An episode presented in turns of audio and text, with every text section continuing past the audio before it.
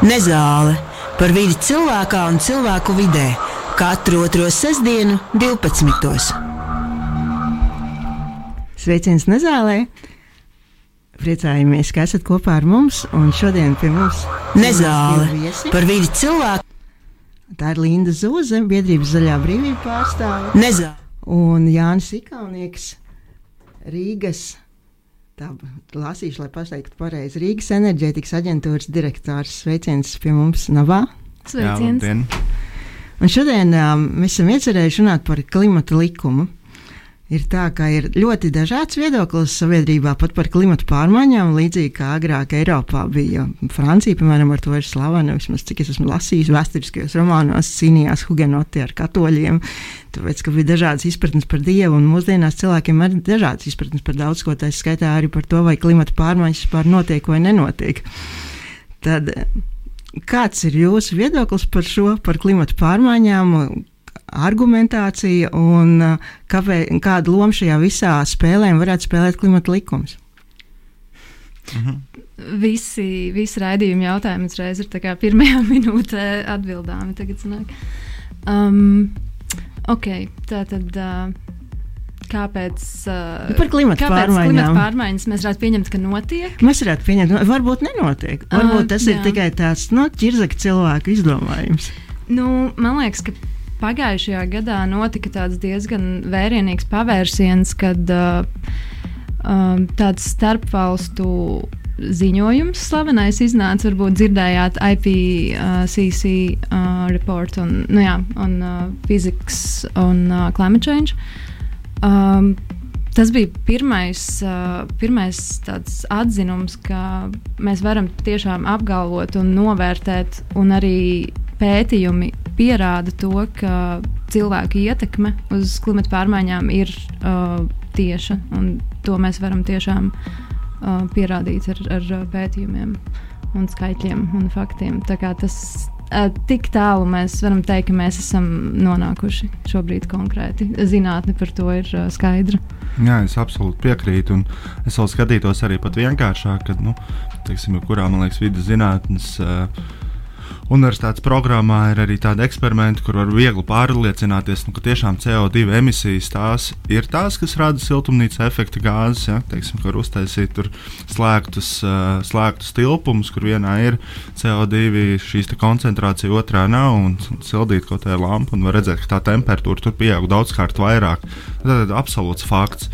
Otrs ir tas, nu, ka mums ir jāapzinās mūsu ietekme. Mēs dedzinām fosilos kurināmos, mēs, mēs liet, da, darām dažādas citas lietas. Un, uh, Tās, protams, rada ietekmi, un līdz ar to nav grūti secināt, ka arī mūsu ietekmē ir, ir sekas.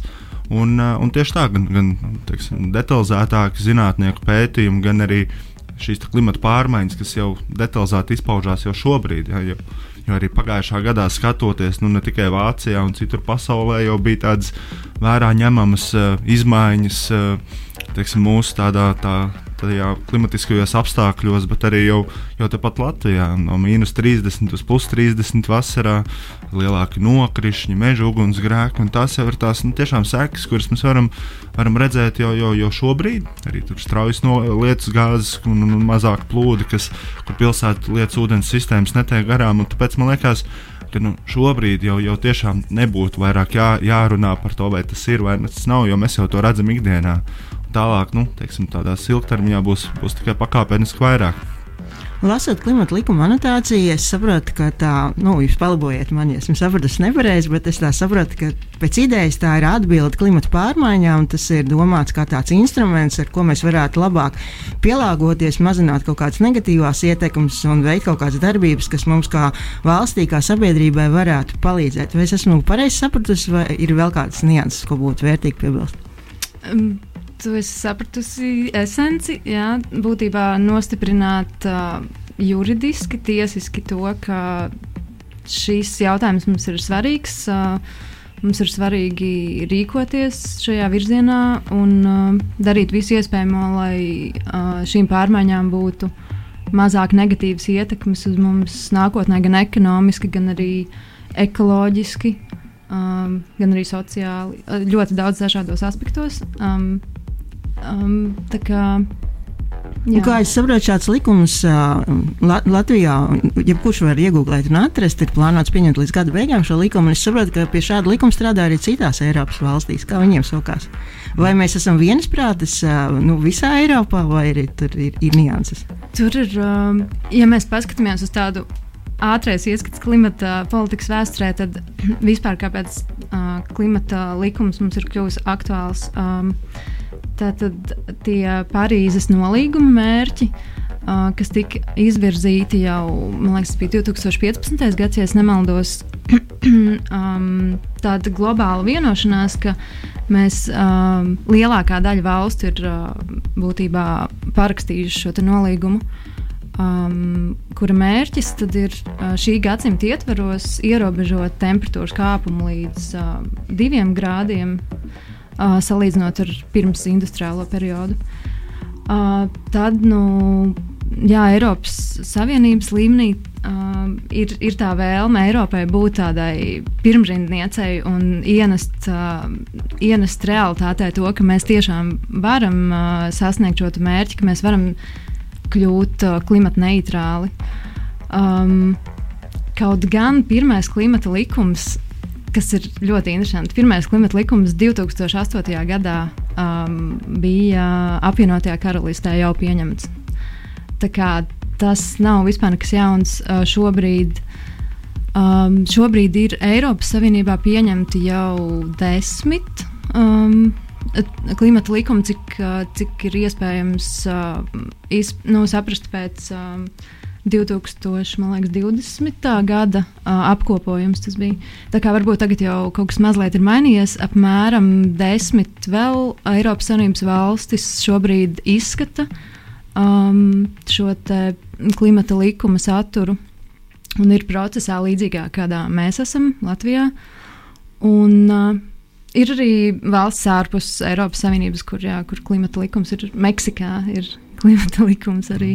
Jā, man, man visvairāk pārsteidz, nu, tiešām, ka tur nav ne tikai Zviedrija, Norvēģija vai tam līdzīgi, bet, bet arī tiešām Bulgārija, Malta, kur, kur šāds likums jau ir apstiprināts. Man arī liekas, ka tas ļoti, ļoti svarīgi, ka mēs iezīmējam to, to gala mērķi vai to pieturu, uz kuru mēs dodamies, jo liela daļa no šīm aktivitātēm vai, vai pat investīcijām vidas tehnoloģijās, nu, tās, tās nav varbūt arī tik katastrofāli lielas vai, vai, vai, vai sliktas, bet tas ir mums vienkārši jāsaprot, ko mēs izvēlamies, pa kuru ceļu mēs ejam. Tāpēc ir nepieciešams šāds likums, kas mums konkrēti pasaka, uz, kuru, uz kurien mēs ejam, un dažkārt pieņemam šos lēmumus atbilstošākus, pareizākus. Kur daudz liederīgāk mēs varam iztērēt teiksim, to pašu naudu, kur mēs viņu savādāk būtu ieguldījuši citās lietās, kas ir mums nedraudzīgākas.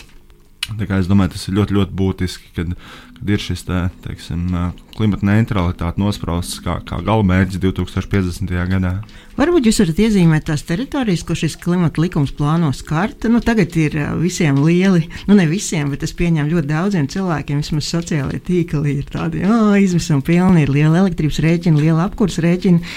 Tā kā visticamāk tā varētu būt viena no jomām, kādas ir pārējās. Nu, lielāko daļu no emisijām arī veido enerģijas sektors. Tas ir gan ražošana, teiksim, mēs sadedzinām šo kurināmo, ražojot elektrību un, un, un siltumenerģiju.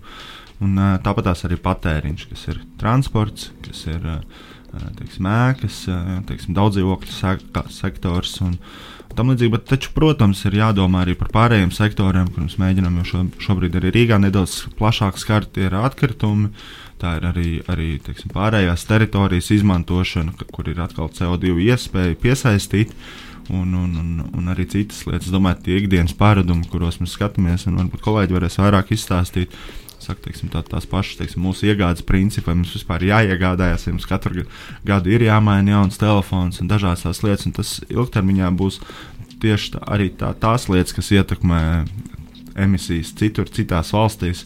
Kur, kur tieši šie produkti tiek ražoti. Taču es domāju, ka nu, primāri mums jātiek galā ar to, ka ka enerģiju mēs ražojam tīru, nu, līdz ar to arī šis patēriņš varbūt var būt lielāks, bet mēs patērējam tīru enerģiju.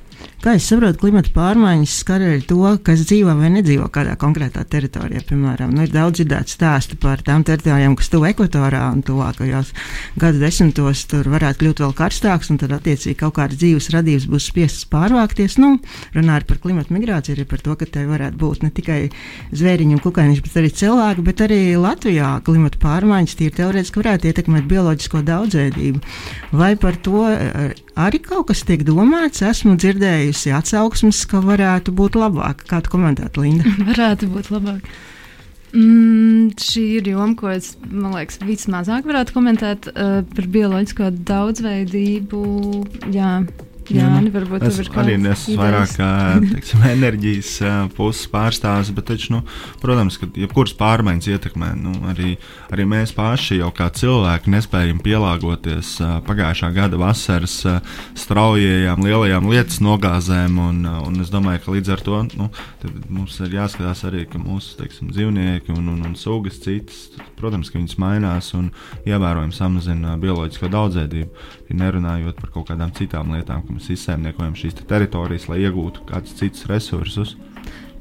Tas, ko es gribētu pieminēt, ir tas, ka mm, bioloģiskās daudzveidības um, arī saglabāšana savā veidā var būt um, ieguvums gan ekoloģiskai sfērai, gan arī klimata pārmaiņām, jo um, mēs ar uh, dabas uh, risinājumiem varam arī uh, nu, mazināt šo klimata pārmaiņu negatīvo ietekmi un pieņemsim oglekļa nu, uztveri.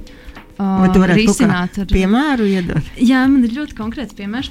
Padomā, um, es skatījos uh, vakardien vēl uz uh, nesenāko ziņojumu par Latvijas uh, emisiju nu, tādiem mērķu uh, izpildes rezultātiem. Un, ja salīdzina 1990. gadu un uh, 2018. ir tas pēdējais, par kuru tur bija apkopoti dati, tad mēs varam redzēt, ka ja mēs saglabātu mežus tādā apjomā, kā mums bija 90. gadā, tad mēs būtu ļoti tuvu jau um, 30. gada emisiju mērķim. Nu, tas ir tas, tā ir tā mana interpretācija pēc tā ziņojuma, jo cik es saprotu, ka tas, kas ir noticis, ka mēs esam dubultojuši mežu izciršanas apjomu. Tur ir notikuši vēl kaut kādi iemesli, kāpēc mums ir mainījusies uh, nu, tā pieeja, kā mēs izmantojam, apsaimniekojam zemi, kas mums ir. Un tad um, būtībā tas nu, carbon sinks ir, ir angliskais termins. Uh, tas ir tas oglekļa uztveres, nu, tāds, tādas teritorijas, dabiskās, kas, kas dabiski mums palīdz kā, mazināt to siltumnīca efektu un, un uztver šīs emisijas. Kā, mēs viņas esam samazinājuši. Un, ja mēs izvēlamies šo ceļu, ka mēs atjaunojam šīs dabiskās uztveres kapacitāti, tad uh, tas ir arī pavisam cits uh, virziens un cita trajektorija. Un arī Jānis jau teica, ka šis likums būtu tāds veids, kurā nu, būtu tāds um, veids, kā mēs nostiprinam šīs trajektorijas, kā mēs izvēlamies uh, virzīties šajā nākotnē. Es ierosinu pirmo muzikālā pauzi, lai mūsu klausītāji var apdomāt to, ko tikko dzirdējuši.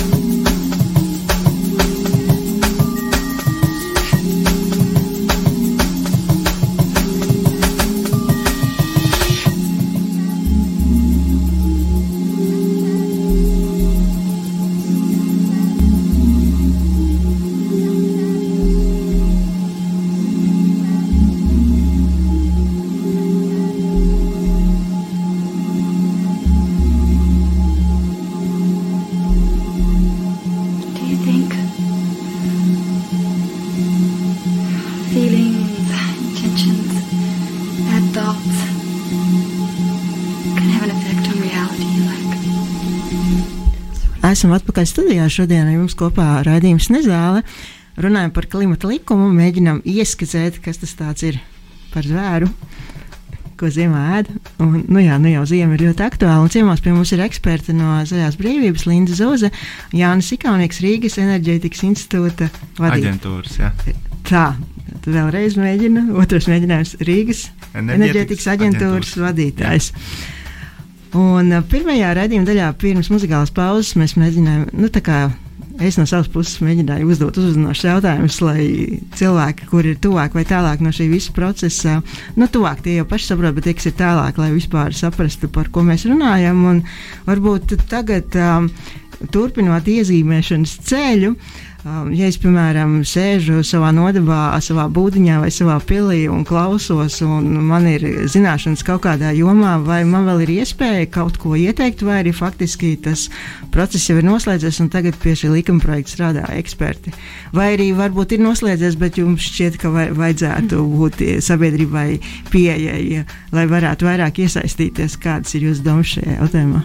Um, jā, sanāk, um, pirmā likuma projekta publiskā apspriešana noslēdzās jau nu jā, būtībā pagājušā gada rudenī.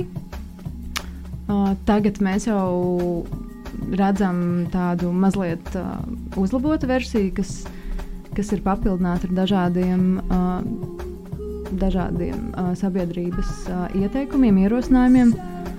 Mm, it kā, it kā ir noslēdzies šis process. Mm, Labi, no otras puses, no otras puses ir, ir uh, nu, diezgan skaidrs uh, signāls no ministrijas, ka vēl joprojām izstrāde pie šī likuma notiek.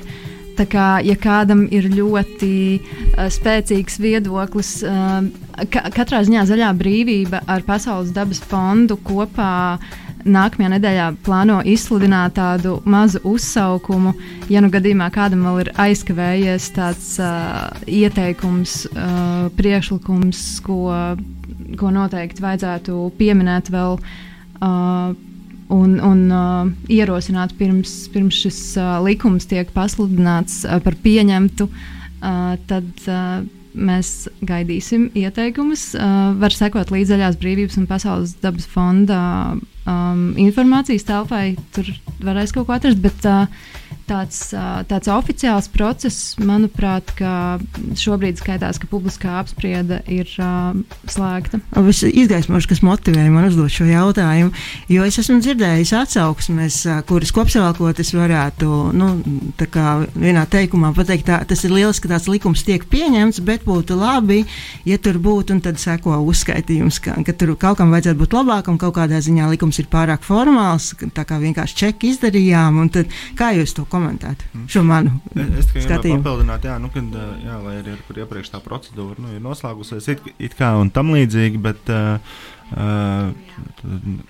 ir iziet šos, šie soļi, un šobrīd tiek koriģēts teiksim, esošā redakcija. Bet es varētu pilnībā piekrist, ka nu, tā, tā, tā komunikācija, teiksim, nu, maz cilvēki zina, ka tāds likums šobrīd kaut kur vispār tiek, tiek skatīts, vai, vai, vai, vai tāds ir. Un, un neatkarīgi no tā, ja mēs ejam šo procedūru, nu, tad, nu, tad ievērojam, viss ir kārtībā, nav, nav pārmetumu, bet nu, nu, šis ir būtiski ietekmēs mūsu nākotni nu, teiksim, līdz 2050. gadam. Un, es domāju, šeit būtu prasījies tāda lielāka komunikācija, uzsaukums mm. iedzīvotājiem, nu, tiešām aicinājums iesaistīties, jo reti kurš iedzīvotājs skatās ministriju mājaslapās sabiedrības, sabiedrības eh, līdzdalībai, iespējamos komentēšanai, nodotos dokumentus un, un, un tam līdzīgi. Tā kā, nu, t- ta, tas ir tāds, ka mēs, protams, varētu iesaistīt sabiedrību vairāk, un es domāju, arī šis raidījums palīdzēs. Tad, tad visi, visiem, kam ir iespējams, tieši tā ir iespējams gan pie zaļās brīvības, gan Pasaules dabas fonda, gan arī pie ministrijas, protams, rakstīt un šos ieteikumus skatīt. Tā kā tad to, to es tā gribēju pieminēt. Kā jums šķiet, kas šajā likumā jau ir lieliski, bet kas savukārt ir tās, nu, tās varbūt tie vājie punkti, kur būt, mums būtu vēl iespēja pilnveidot? Mm. Es pavisam nesen šo redakciju lasīju, skatījos. Un, Nu, nu, manuprāt, ļoti lieliski ir tas, ka nu, mēs konkrēti pasakām, uz kurien mēs ejam. Tad klimata neutralitāte 2050. gads. Tad nu, par to jautājumu vairs nav. Tad šis likums ir pieņemts. Lieliski, ka tas tā arī ir. Taču tas, ko, ko varētu uzlabot, ir, jā, kad esošajā redakcijā bija vēl arī, ka tomēr ir pieļaujami atsevišķās vietās ieguldījumi fosilējos resursos, uh, kas mūsuprāt ir nepieņemami. Tāpat tās arī teiksim, tas, tā ieviešanas kārtība, vai tas, kā mēs to izdarīsim. Un, manuprāt, tiešām būtu jāļauj arī pašvaldībām jānodeliģē šie mērķi. Uh, Eh, pašvaldībām, jo lielai daļai pašvaldību ir mērķi, ir ilgspējīgas enerģijas un klimata plāni, kur konkrētas aktivitātes, kā mēs tās ieviešam. Un, un, un, un līdz ar to plānot arī tās rīcības ātrāk. Un, un trešais varbūt vēl būtu par šo finansējumu, ko likums arī paredz.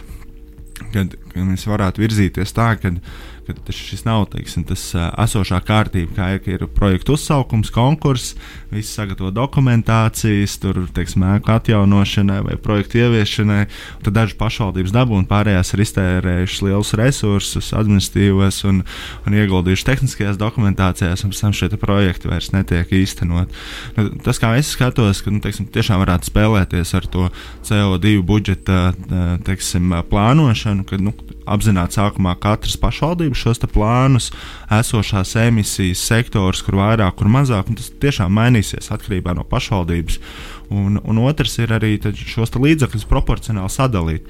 Nu, pieņemsim, ja, nu, tad būs līdzvērtīgi visām pašvaldībām vienādas summas piešķirtas pretīm, saņemot konkrētu emisiju ietaupījumu. Un, manuprāt, tas būtu ļoti labs veids, kā mēs varam virzīties tālāk un sasniegt tiešām rezultātos, datos uh, balstīts pasākums. Kādrai pašvaldībai tas būs vairāk aktivitātes tieši transporta sektorā, kādai tieši pie pielāgošanās, kādai tieši tur. Nezinu, atkrituma sektors un, un, un tam līdzīgi, bet manuprāt, tieši tā daļa ir būtiska. Linda, vai tev arī būtu ko piebilst? Mm, jā, ja tu minēji par pielāgošanās, bija pēdējais atslēgvārds, uh, kas aizķērās, kas man liekas ir uh, ļoti uh, ļoti labs pienesums šajā likuma projektā, kas uh, parādās, ka mēs uh, vairāk uh, plānosim arī pielāgošanās pasākums. Uh, klimata politika vispār skatās divos virzienos, kas ir klimata pārmaiņu mazināšana, otrs virziens ir pielāgošanās jau klimata pārmaiņām, jau kā, kā mēs varam jā, pielāgoties. Nu, noteikti tas, un, kas notiek un ko mēs varam darīt. Jā, un, uh, Un tikai šobrīd mēs tā kā, tā patiešām skatīsimies uz to uh, padziļinātāk, kā, kā mēs varam pielāgoties. Uh, tas ir labs pienesums likumam. Um, ja skatās tādā salīdzinājumā ar uh, citu uh, Eiropas valstu klimata likumiem, tad uh, tas, kas mums ir uh, diezgan labi nodalīts, um, kad kura ministrija ir uh, sagatavo ziņojumu par uh, kādiem uh, procesiem, cik veiksmīgi kas ir izpildīts. Tas mums ir diezgan konkrēti noteikts, nodalīts atbildības. Um, kas mums vēl ir interesanti? Um, Reti, kura valsts ir izvēlējusies tādu pieeju, ka pašā likumā tiek uh, noteikta prioritāte kādai konkrētai um, tehnoloģijai. Mums likumā ir noteikts, ka mēs uh, izvēlamies um, karbo, um, respektīvi oglekļa piesaistes uh, un uzglabāšanas tehnoloģiju attīstīt, kas, uh, kas nozīmē to, ka mēs mainīsim esošo likumu, uh, kurš nosaka, ka mēs savās geoloģiskajās struktūrās zem zemes um, viņas neizmantojam, lai uzglabātu jā, tur, tur var uz, uzglabāt gāzes, vai, nu, respektīvi, šajā gadījumā mēs izmantosim iespēju, ka Latvijā ir tādas īpašas geoloģiskās struktūras, kurās var uzglabāt gāzes. Tad, respektīvi, šis carbon capture and storage, kas ir angliski, uh, mūsu gadījumā tiek izvēlēts kā tāds uh, labs veids, kā risināt. Um, šīs te, nu jā, klimata pārmaiņu mm. negatīvās sekas, kas ir ļoti īpatnēji. Vai par to ir bijusi plašāka diskusija, tas ir labs jautājums. Jo ja iepriekš likums ir noteicis to, ka mēs nevēlamies savās geoloģiskajās struktūrās um, nu, viņas mākslīgi um, piepildīt un, un izmainīt, tad šobrīd kaut kas ir noticis. Pēkšņi likums pasaka to, ka tas ir ok. Kāpēc tas tā noticis? Ir jautājums. Man liekas, ka šis ir viens no jautājumiem, par kuru būtu vēlams plašākas diskusijas vai vismaz kādi um, skaidrojumi. Jā, nu, tas pēc būtības paredz, ka mēs varbūt tās netik daudz varam attīstīt atjaunīgos energoresursus, bet tiešām kur, teiksim, turpināt attīstīt termoelektrocentrālus, pieņemsim dabasgāzi, dedzinot fosilos kurināmos un, un, un tikai uztvertu to oglekli, noglabāt, paslēpt un viss viss kārtībā. Tas, es domāju, ka tam, tam, tam tā, tā nākotnē un virzībai nu, tiešām jābūt sabalansētai abo, abos virzienos. Jo viens ir mums vajag tās jaudas, lai to enerģiju iegūtu, bet otrs patēriņu lielāko daļu nu, mums ir jānosadz ar atjaunīgajiem un, un jāiet uz to, jo mēs, mēs to redzam jau šobrīd. Tiksim, ja mēs būtu laicīgi investējušies tajā brīdī, kad tas arī vēl nebija tik rentabli, bet nu, teiksim, no biznesa viedokļa jau strādāja, tur vēja stācijas, saules paneļi. Tad šobrīd mēs jau plūktu teiksim, tos, tos augļus tieši pie šādiem enerģijas tarifiem. Mums būtu daudz, daudz zemākas izmaksas. Nu, kā, tas, ir, tas ir tas tieši tā, es domāju, tas jautājums, vai, vai, vai tas, ka tā tehnoloģija ir iestrādāta, ir pamatots, nu, ka viņi būtu jāsabalansē. Un es arī neuzskatu, ka būtu jādod priekšroku kā, kādai konkrētām lietām, bet manuprāt, ir svarīgi, ka mēs iezīmējam tieši tos virzienus, teiksim, klimata neutralitāti. Ne, ne vēlāk kā 50. gads, atjaunīgie resursi, enerģijas patēriņa samazināšana, nu, kopumā, pārma, pielā, kopumā teiksim, klimata pārmaiņu mazināšana un arī pielāgošanās. Un mēs jau nezinām, arī kādas tehnoloģijas attīstīsies. Šis, teiksim, šis te zaļais kurs tieši paredz to, ka tās inovācijas ir koncentrētas šajā jomā. Un, un mēs redzam, kā, kas ir noticis ar, ar mūsu iPhone un visiem telefoniem, cik tā izaugsme bijusi strauja.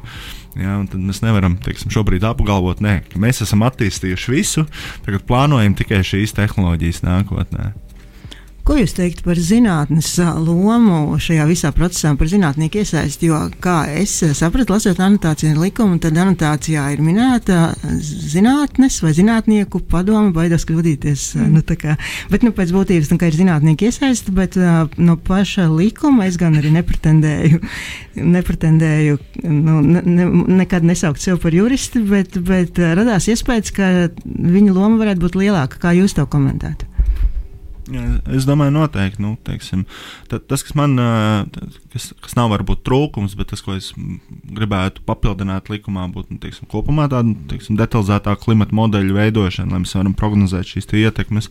Un otrs ir nu, tiešām sabiedrības lielākas daļas jā, iesaiste, jo konsultatīvajā padomē tur, man liekas, pavisam šaurs, šaurs lokus dalībnieku bija, bija deleģēts. Tā skaitā nu, būtu jāveido arī neatkarīgi teiksim, ekspertu grupas, kas, kas var šo skatīt, jo saprotams, ka katrai no ministrijām vai kādām organizācijām, iestādēm, pašvaldībām katram ir savas šīs intereses.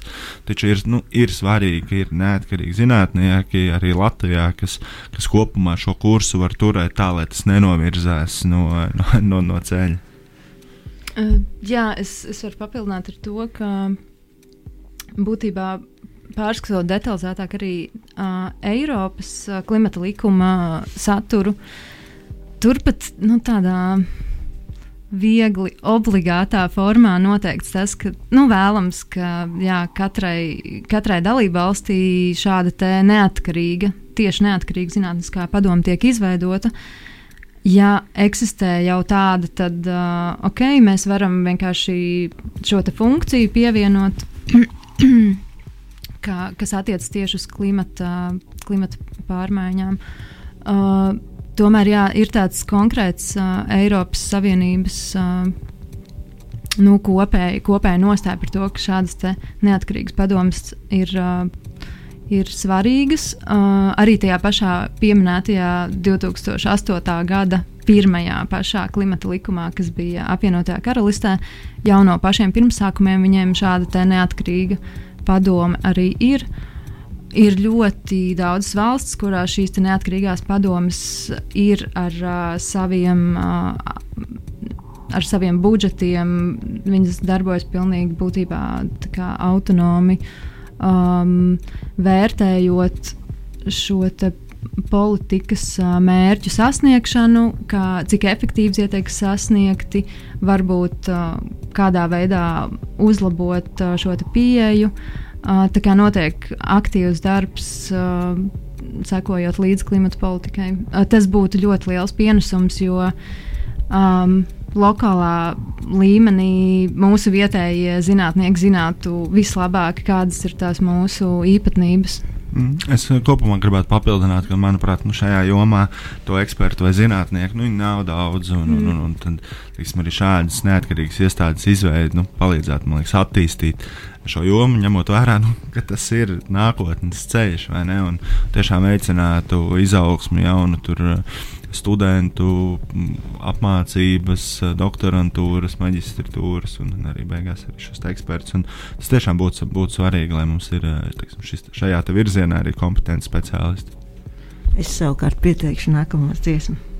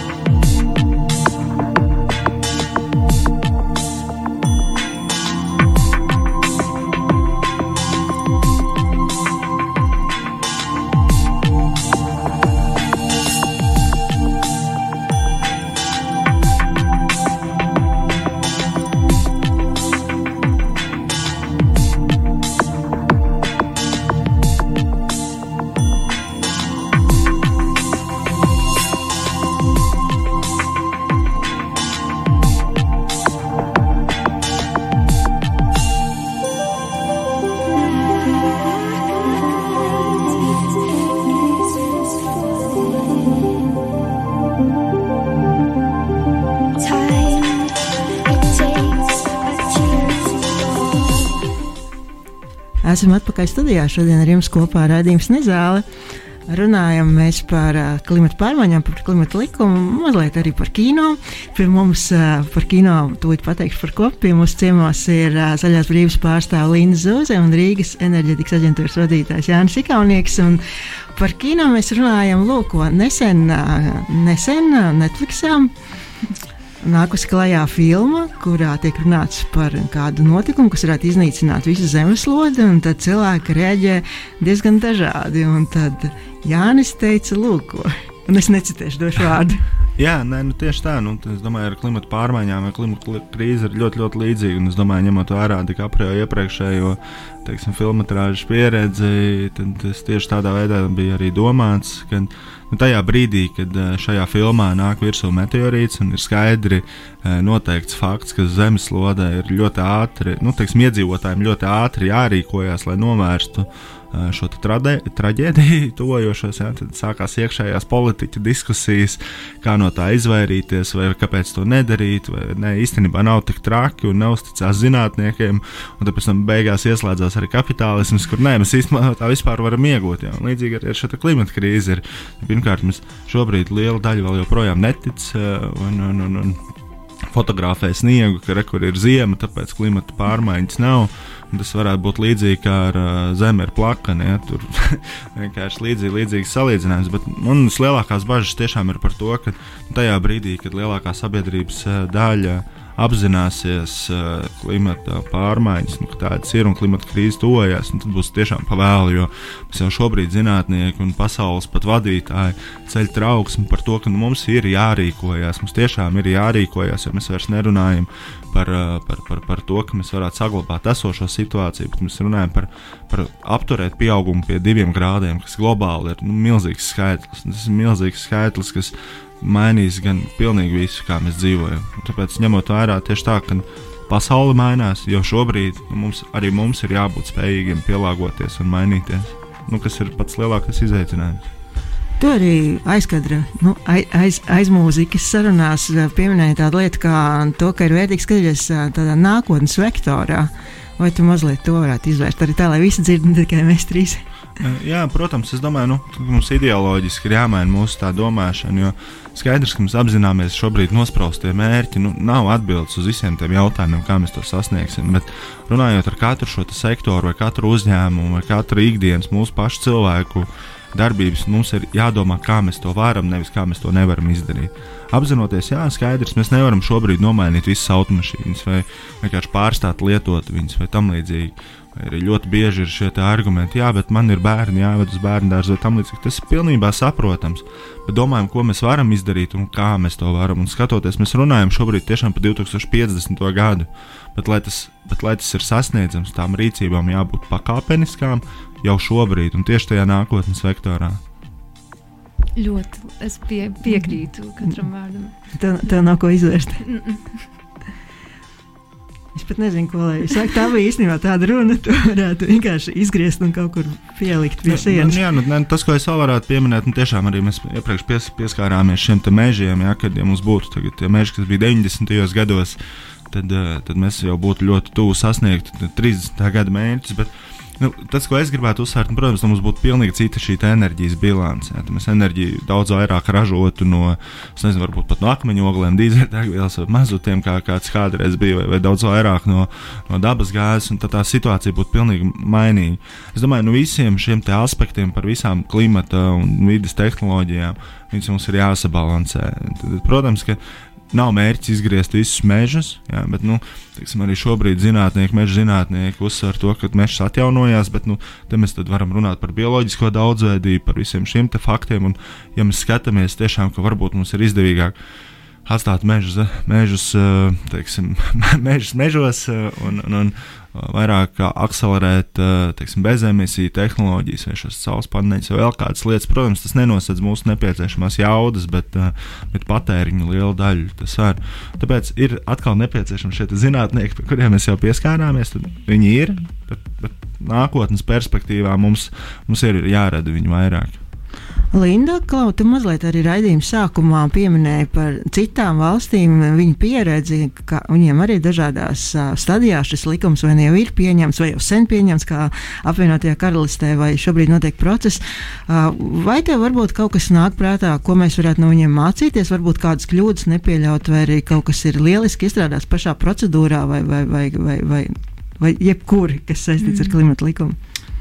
Tur, jā, tur, protams, tie apkopojumi tiek arī veikti ar, ar tādu domu, ka tie, kas veido šos likumus šobrīd, tad, uh, var mācīties no citu pieredzes. Un, piemēram, Somijā 2015. gadā mm, Somijā tika pieņemts klimata likums. Um, ja mēs skatāmies uz uh, zinātnieku iesaisti, tad jau tajā brīdī tika tas nostiprināts. Tas ļoti nu, ļoti labi strādā. Um, šobrīd uh, tur izskatā, un, un arī, cik es saprotu, ministra ir, uh, ir um, virza šo arī uh, procesu, ka tiktu nostiprināta arī sabiedrības iesaiste. Um, tādā formātā, kā tieši jauniešu, jauniešu padome tiktu izveidota. Jo nu, viņu uh, tā ir varbūt tāda sabiedrības grupa, kurai kura visvairāk izjutīs šos mūsu šodienas lēmumus, bet viņiem ir vismazākā piekļuve šo lēmumu ietekmēšanā. Un tad, uh, jā, Somija ir uh, ceļā uz to, ka viņi iekļauj tieši arī jauniešu balsis šajā visā procesā. Latvijā mums ar to ir mazliet sarežģītāk. Uh, mm, Jā, mēs aicinām nevalstiskās organizācijas. Ļoti aicina ministriju, nu, tieši vidas ministriju, kā, uh, kā veikt, veikt šo, uh, ierosināt šo procesu, ka tiešām mums ir vajadzīgs plašāks dialogs par daudziem šiem saturiskajiem jautājumiem.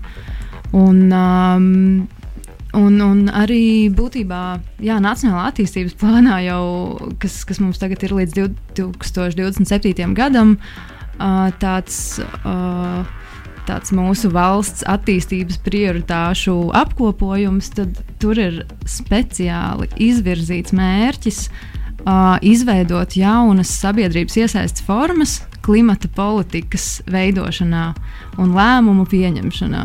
Un tas šobrīd ir tāds nu, izskatās īstais brīdis, kad to ielikt arī klimata likumā. Jo, Uh, citu valstu pieredze arī uz to rāda, ka šis sabiedrības iesaistes mehānisms um, ir jāietver un jāatrod jaunas formas.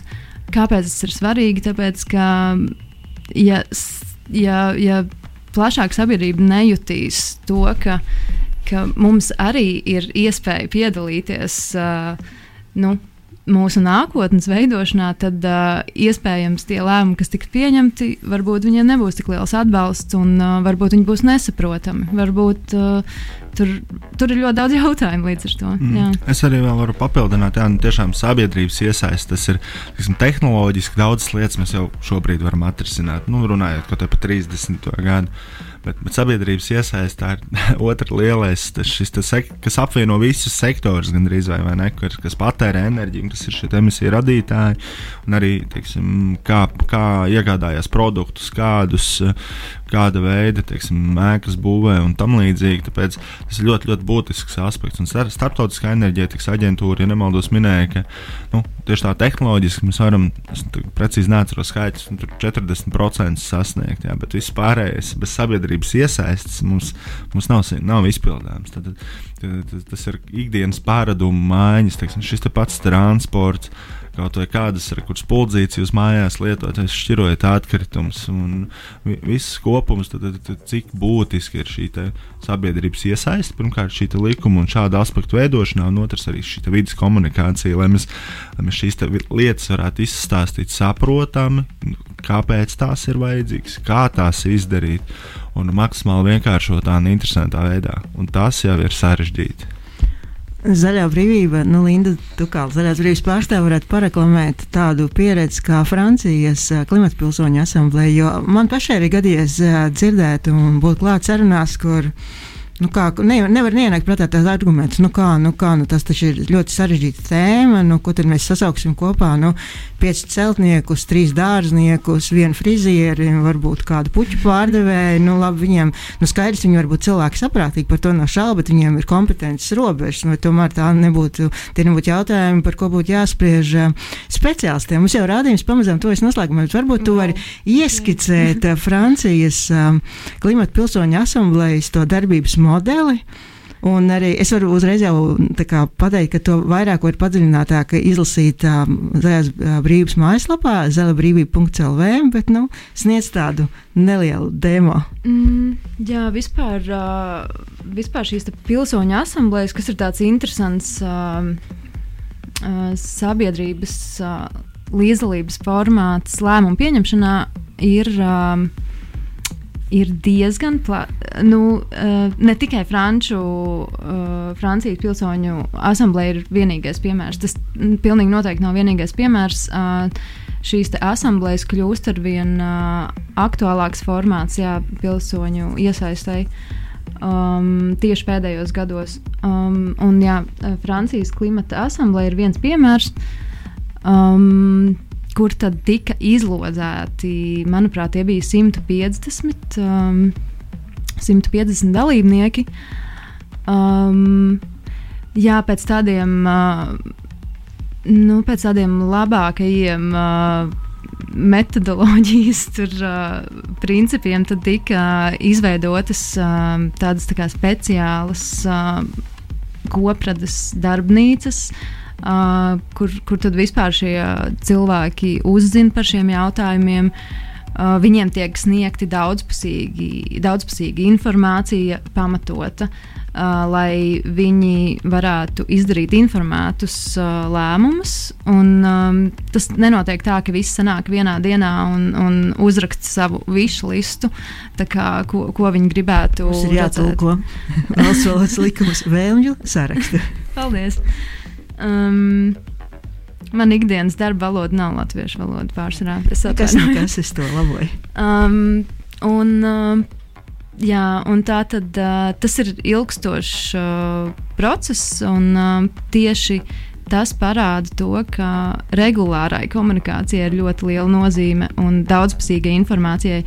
Um, uh, par to, kas patiešām notiek un kāds patiešām ir uh, dažādu lēmumu sekas. Un, um, Un bieži vien jautājums ir tieši par tām alternatīvām, tā kā, kas ir svāru kausos, kā, kurā virzienā mēs dodamies. Kur, un, un tas, ir, tas ir sabiedrības lēmums. Un tā tad, jā, Bet tas ir šajā... tāpēc, es jautāju, piedod, ka tev bezkārtīgi pārtauc. Vienkārši tāpēc, ka, manuprāt, nu, vismaz man ir radies, diemžēl, tās priekšstats, ka Latvijā ik pa laikam nu, ir ir nu, jārīko kaut kas tāds, sabiedrība jāiesaista, un tad uh, metodoloģiski tas tiek izdarīts ļoti sliktā veidā, tā kā atdeve ir maza. Man liekas, jebkurš pasaules piemērs, kas sniedz kaut kādu nu, iespēju mācīties no kaut kādas metodoloģijas, kas kaut kur ir strādājusi vai devusi kaut kādus rezultātus, nu, nu, no skalā no 0 līdz 10, kaut vai 5, ja man liekas, labs rezultāts, tad tas ir kaut kas tāds, ko ir vērts pētīt un varbūt mēģināt arī izmantot. Tas, kas bija interesanti, šie cilvēki vienojās par lietām. Nu, tā kā sanāk, ir šīs izvēles jāizdara. Uh, viņi visi spēja vienoties uh, par uh, konkrētiem priekšlikumiem. Viņi kopā izstrādāja šos priekšlikumus. Tie bija, es tagad precīzi neatceros skaitu, vairāk par simts, man liekas, priekšlikumiem. Un tie visi priekšlikumi, izņemot divus, tika pieņemti ar uh, likuma spēku. Um, tā kā tur sanāca ļoti, ļoti kvalitatīvs rezultāts no tā visa.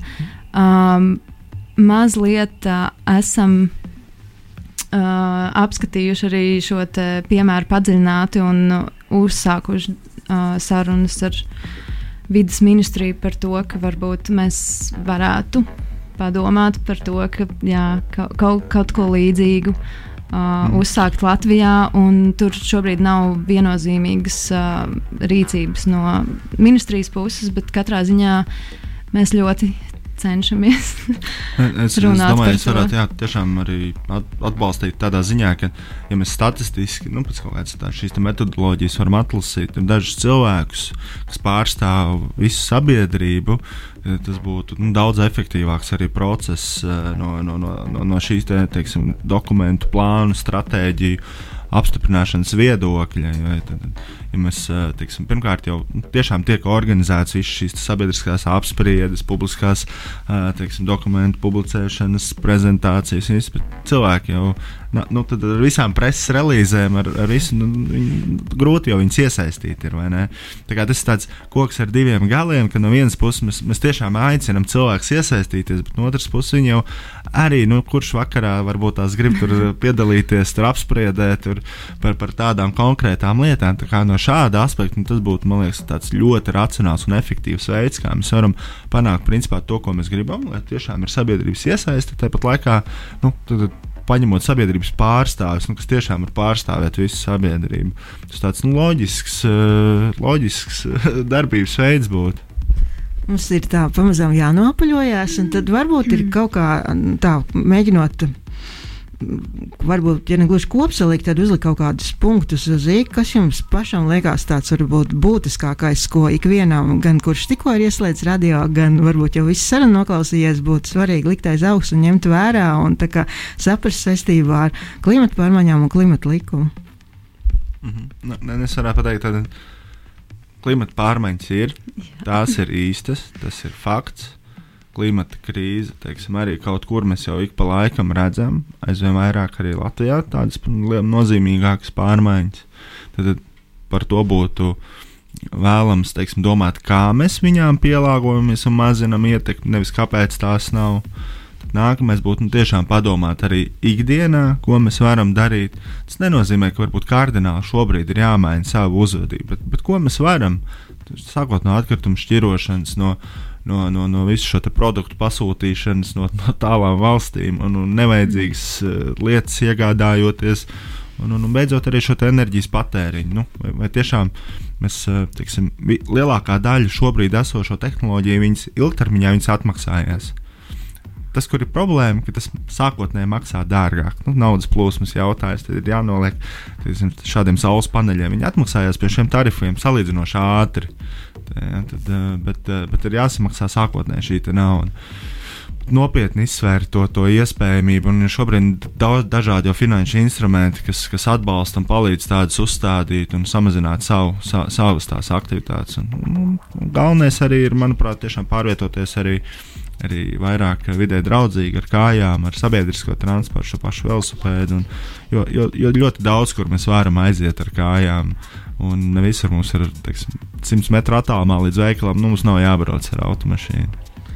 Ziemā un slidens laiks laikam nebūtu īstais brīdis, kad to var tā labi lobēt, bet, bet, bet konceptuāli es domāju, gan jau būs maz cilvēku, kas konceptuāli tev nepiekritīs. Linda, kāds būtu tavs trakanais īk? Mm, es zinu, ka ir uh, ļoti daudz jauniešu, kur um, ir satraukti par to, kas notiek, jo ir, ir tāds, um, tāda vispārīga mazliet. Uh, Uh, trauksmes sajūta par to, šo klimatu pārmaiņu stāvokli. Uh, no vienas puses, gribētu teikt, uh, globāli tas tiek uh, risināts. Uh, no otras puses, lūdzu, katrs, cik vien jums ir iespējams, sekojiet līdzi jebkuriem lēmumu pieņemšanas procesiem, lai mēs varam nonākt pie kvalitatīvākas uh, nākotnes. Um, es varētu vēl pateikt vienu fun faktu. Jauku, aizraujošu faktu. Uh, mums ir pasaulē viena valsts, kura ir uh, klimata. Nu, nevarētu teikt, jā, būtībā jau emisiju negatīva. Jūs zināt, kur tā ir? Es zinu tikai vienu Dānijas salu, bet valsti visu, diemžēl nezināšu. Es man prātā nāk vieta, kur dzīvo pingvīni, bet, bet nezinu, vai viņi kvalificējās.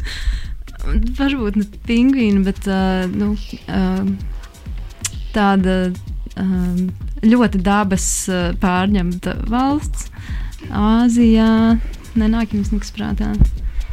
Kalni varbūt arī ir. Tā, Tibeta.